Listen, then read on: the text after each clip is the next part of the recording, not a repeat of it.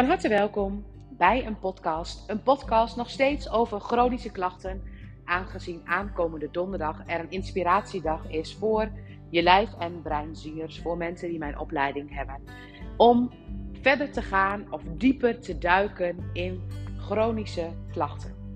En als je naar chronische klachten kijkt, dan denken we bijvoorbeeld aan MS. Dan denken we wellicht aan Parkinson. Dan denk je wellicht aan versleten heupen, versleten knieën. Uh, altijd een zere rug. Altijd uh, last van de schouders. Allemaal klachten die er altijd zijn. Maar naast lichamelijke klachten zijn er natuurlijk ook andere thema's bij jou die chronisch aan de hand zijn. En bij mij is ook iets chronisch aan de hand. En natuurlijk, als ik in dat thema duik, dan is dat ook precies wat er naar boven gaat komen. Het is prachtig hoe je, als je ergens induikt, eigenlijk al van tevoren weet dat je daar inzichten over krijgt. Oftewel, wat ik eigenlijk bedoel, het moment dat ik besluit dat ik meer wil weten over chronische klachten, dat ik daar meer antwoorden op zou willen hebben bij mijzelf en bij anderen. En ik besluit dat, dan zit ik in de eicelstand, zo noem ik dat. Oftewel, ik zit in de ontvangstand om antwoorden te krijgen over chronische klachten.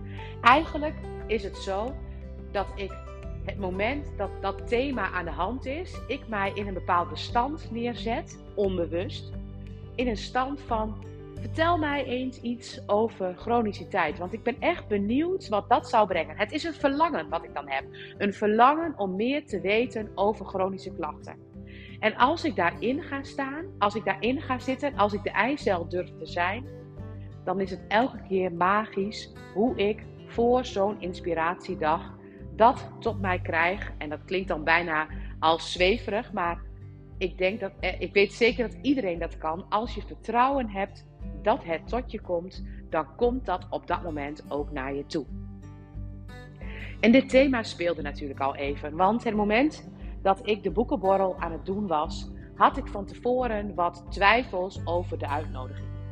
En dit thema neem ik hier neem ik je even in mee wat er in die periode bij mij is gebeurd om jou inzicht te geven hoe belangrijk zo'n eicelstand is en hoe dan ook werkelijk de antwoorden naar je toe gaan komen. Voor de boekenborrel had ik allemaal uitnodigingen laten drukken. Uitnodigingen om mensen uit te nodigen. Maar het is best ingewikkeld als je voor je gevoel niet helemaal naar buiten kunt brengen. Maar het is natuurlijk onzin. Maar ik wil het wel even zo benoemen, omdat het zo voor mij voelde. Waar je eigenlijk een boek over hebt geschreven. Ik vind het ook lastig. Ik heb het altijd lastig gevonden. Ik heb het chronisch lastig gevonden. Om te zeggen wat ik precies allemaal doe. Wat ben ik nou toch allemaal aan het doen? Ook omdat ik wel eens commentaar kreeg op meerdere vlakken, meerdere momenten in mijn leven. Ehm, jij leest altijd zoveel. Of ik was de nerd van de groep, zeg maar. Ik kreeg daar wel eens commentaar op. Maar stoppen wilde ik het niet. Ik wilde doorgaan, want ik had die drive. Ik voelde dat ik meer wilde weten over bepaalde onderwerpen. Dat ik behoefte had aan die ene cursus. En dat ik ook zin had om een bepaalde avond bij te wonen. Waar wellicht anderen helemaal geen zin in hadden. En het moment dat ik bijvoorbeeld fysiotherapeut was. Het moment dat ik het gevoel had dat ik ergens nog iets niet niet van wist, dat ik iets meer wilde weten, dan was het ook altijd bijzonder hoe ik mij een soort van openstelde voor, ik wil daar echt nog meer van weten. En hoe er ook altijd eigenlijk binnen 14 dagen dan een cursus voor was. Oftewel, toen ik uh, mij wilde specialiseren in het stukje van astma en de longen, ik stelde mij open voor het feit dat ik daar dan de begeleider van zou worden, maar dat ik wel heel graag ook meer wilde weten over de longen en over astma. En het lollige was, als vanzelf was er een cursus die voorbij kwam in mijn mailbox. En ik kon eigenlijk 14 dagen later al starten met een cursus die maar één keer in het jaar start. En zo gebeurde het ook toen ik hartpatiënten moest gaan begeleiden. En we hebben het echt over, uh, ik denk 2003 of 2004. Um, ehm, ik stelde me, ik, ik zei van ja, ik wil wel hartpatiënten begeleiden, maar ik wil daar echt meer van weten. Ik wil daar echt meer van weten. Dat verlangen had ik. En als vanzelf kwam de training van Hart in Beweging mij ja, ter ogen, zeg maar. Het gebeurde gewoon en hoplak idee. Ik zat in die training en ik werd hart- in beweging specialist. Nou, dat is allemaal heel erg lang geleden, maar het is wel bijzonder hoe eigenlijk ik altijd vanuit een verlangen iets naar mij toe heb gekregen. En dat is eigenlijk standje eicel. Je gaat in een bepaald verlangen staan en je komt, er komt iets naar je toe. Nou, voor de boekenborrel, zoals ik net al uitlegde, vond ik het ingewikkeld om bepaalde mensen, uh, met name in mijn directe omgeving, om die mensen uit te nodigen. En kijk je volgens de Germaanse geneeskunde, dan heb je verschillende mensen in je omgeving. Je hebt mensen in je omgeving die staan in een positie verticaal van jou. En je hebt mensen in je omgeving die staan in de positie van horizontaliteit ten opzichte van jou. Als je kijkt naar een verticale verbinding, dan is dat een moeder-kind verbinding. En dan is dat bijvoorbeeld de leraar op school die allemaal leerlingen in de klas heeft. Dan is het bijvoorbeeld mijn moeder ten opzichte van mij. Dan ben ik het ten opzichte van mijn kinderen. Allemaal verticale verbindingen. En soms is het ook heel fijn als ik bij een vriendin even die moeder energie kan geven. Dat ik echt even lief kan zijn voor die persoon en dat die persoon even in die kindrol mag. Er is niks mis met verticale verbindingen, er is ook niks mis met horizontale verbindingen. Maar het moment dat je in contact bent met anderen, als ik bijvoorbeeld in contact ben met mijn buurman of met mijn uh, broertjes en zusjes, ik heb geen broertjes, maar met mijn zusjes, en als ik in contact ben met collega's, dan is de meest wenselijke houding is een horizontale verbinding. Een horizontale verbinding van geven en nemen zonder afhankelijkheid. Maar ja, die verbinding, als ik kijk naar mijn familiesysteem, dan is dat enigszins, um, uh, ja, hoe moet ik zeggen, misschien een beetje beschadigd. Daar zitten trauma's op. Die horizontale verbinding, daar ja, is soms gebruik van gemaakt incest binnen de familie. Het zit in twee systemen van mij achter mij. Nou is het niet bij mij in het gezin gebeurd. Ehm, en toch voel ik altijd dat, er, uh, dat we heel erg verbonden zijn met elkaar. Maar dat er soms ook een soort van ik voel mij tekort gedaan. er is altijd ook een andere beweging in het contact tussen mijn zusjes. En naast dat echt bij de boekenborrel dit niet het thema was, maar dat ik het wel spannend vind om alles te laten zien wat ik allemaal doe, was het in veel meer contacten dan alleen de zusjescontacten. Eigenlijk nog meer was het bijvoorbeeld bij gewone mensen in mijn omgeving. Mijn vrienden, mijn dichtbij vrienden, zeg maar, die echt dichtbij in mijn ehm, omgeving wonen. Want op een of andere manier vond ik het spannend om precies te vertellen wat ik aan het doen was, omdat ik ergens bang was dat het mij dan afgepakt zou worden of dat ik dat dan niet zou mogen doen. Ergens diep in mij zat die angst. En deze angst, een angst dat ik misschien afgemaakt zou kunnen worden, misschien een angst die ik al heb vanuit wellicht vorige levens waarbij ik een heks was, die voelde ik bij de boekenborrel, bij het uitnodigen van andere mensen. En nogmaals, mocht iemand horen die zich hierin aangesproken voelde, dit is mijn proces, dit is mijn stukje en dit is voor mij belangrijk om te zien. En dit is voor mij ook iets waar ik chronisch tegenaan loop en waar ik al heel veel naar heb proberen te kijken, maar waar ik blijkbaar nog steeds de echte angel niet van heb gehad. Na de boekenborrel voelde ik dat eigenlijk de mensen waar ik het net over had, dat dat ik daar meer verbinding mee voelde. Dat ik voelde dat ze eigenlijk geïnteresseerd waren in plaats van mij afwezen. Het was mijn proces, hè, dus ik voelde dat. En wat heel grappig is, het moment dat dat gebeurde, ga ik met andere ogen naar hun kijken. En kan ik ook bepaalde lagen bij mij eraf halen. Dus ik zie, er is iets in de week gelegd. Er is een soort bewustzijn van, hé, hey, het zou ook anders kunnen. Waardoor ik niet direct in een weerstand schiet en in een overlevingsstrategie. En als vanzelf ontrafelt er zich iets. En dat is echt zo. Er ontstonden allemaal bijzondere situaties.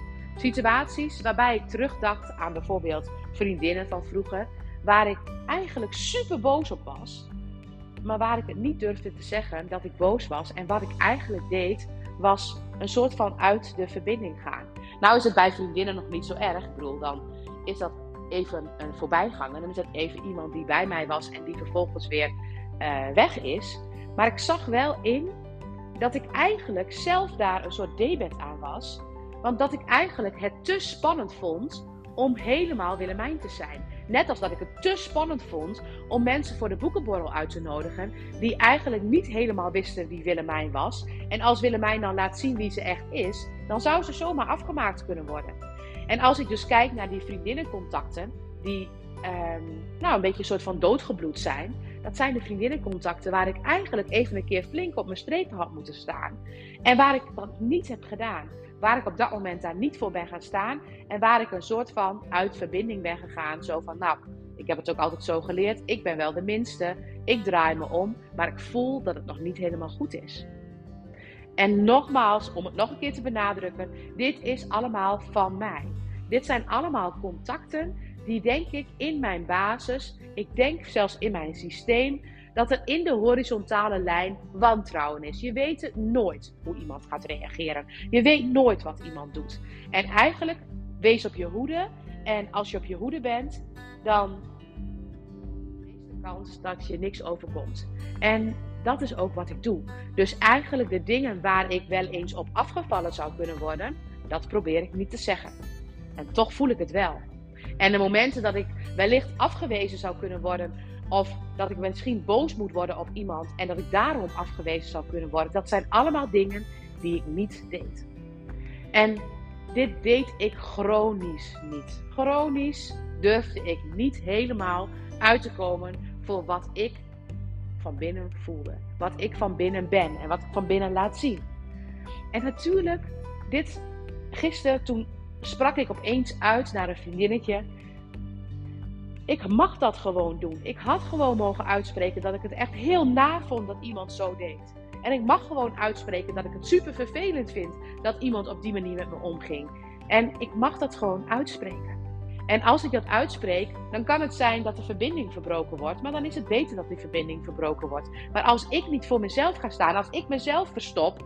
En als ik dus eigenlijk dat wat ik te brengen heb, bijna een beetje probeer voorzichtig te brengen. Dan heb ik daar last van. Dan heb ik daar chronisch last van.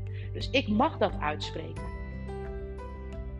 En het lollige, eigenlijk nog tijdens het inspreken van dat berichtje naar mijn vriendin, kreeg ik een zere keel. En nu ben ik dus verkouden. Ik heb iets uitgesproken, ik heb iets er laten zijn. Ik heb iets waar ik al veel vaker verkouden van was, er echt laten zijn. Ik heb weer een level gepakt en ik heb weer een stukje gezien van een chronische klacht. En dan niet zozeer een chronische klacht dat ik chronische keelontsteking heb of keelpijn heb of heel erg vaak snotterig ben. Helemaal niet. Maar ik heb wel een chronische klacht ten aanzien van mijzelf helemaal durven laten zien in de horizontale verbindingen. En ik zie weer een lekkage van die klacht. Ik zie weer een onderdeel waar ik naar mag kijken. En het enige wat ik daar maar in hoef te doen, is te voelen wat het met me doet als ik mijzelf helemaal zou laten zien. Hoe spannend ik dat vind. vind. Kan ik dat helemaal innemen? Kan ik dat helemaal opnemen? En kan ik uitscheiden wat ik daar uit te scheiden heb? En stel je voor, een deel van dit wantrouwen in de horizontale lijn komt voort uit mijn familiesysteem, wat waarschijnlijk zo is. Dan zal ik het regelmatig tegenkomen. Dan mag ik eigenlijk mijzelf daarin, zoals in de reguliere geneeskunde gezegd wordt, desensibiliseren. Ik mag steeds inzien van oké, maar deze situatie is veilig. Deze situatie is weer veilig. En als ik het op die manier kan zien, dan kan het gaan ontspannen. Oftewel, als je kijkt naar chronische klachten en jij hebt een bepaalde chronische klacht, dan ga er eens in zitten. Durf eens in die klacht te zitten. Durf die klacht er eens te laten zijn. En weet dat die klacht jou altijd ergens mee wil helpen. En als je daarin gaat zitten, helemaal in gaat zitten, verwonder je dan niet dat je in situaties komt die jou iets willen vertellen. En ga niet in de weerstand bij die situaties, wat je waarschijnlijk wel gewend bent. Maar ga het dus op je af laten komen en ga eens kijken hoe je ook zou kunnen handelen. Zonder dat je gelijk weerstand biedt aan deze situatie. Want alle chronische klachten, ik weet heel zeker, in de basis kunnen ze opgelost worden. Want het zijn oplossingen ergens voor. En als jij begrijpt dat het wellicht niet erdoor oplost, oftewel dat het moment dat er onderling tussen de broertjes en de zusjes bij mijn oma um, thema's waren, dan kan ik dat niet oplossen. Dat was zo. Daar mag ik voor buigen. Ik mag het zien en ik mag het daar laten. En ik mag de imprintingen die ik daarvan heb meegekregen, mag ik in mijzelf gaan ontspannen.